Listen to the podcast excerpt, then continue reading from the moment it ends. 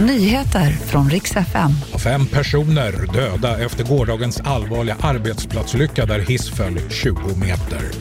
Och stor musikfestival 2024 ställs in.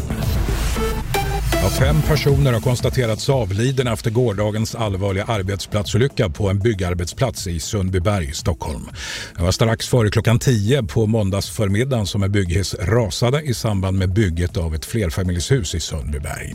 Arbetet med att säkerhetsställa identiteterna på de avlidna pågår samtidigt som kontakt med anhöriga tas, säger senioråklagare Gunnar Jonasson på Riksenheten för miljö och arbetsmiljömål i ett pressmeddelande.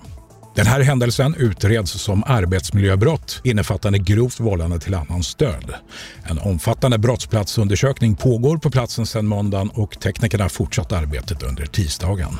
Och tullens larm inför jul. Hittills i år har Tullverket stoppat över 600 000 farliga, kopierade eller felmärkta föremål som har varit på väg till Sverige.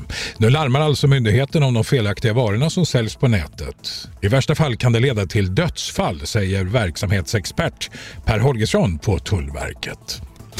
Och till sist, Lollapalooza Stockholm blir inte av 2024. Man tar en paus under nästa år och vill använda tiden för att utvärdera och göra förbättringar på flera områden, säger Alexander Kilström, kommunikationsansvarig på Lollapalooza Stockholm.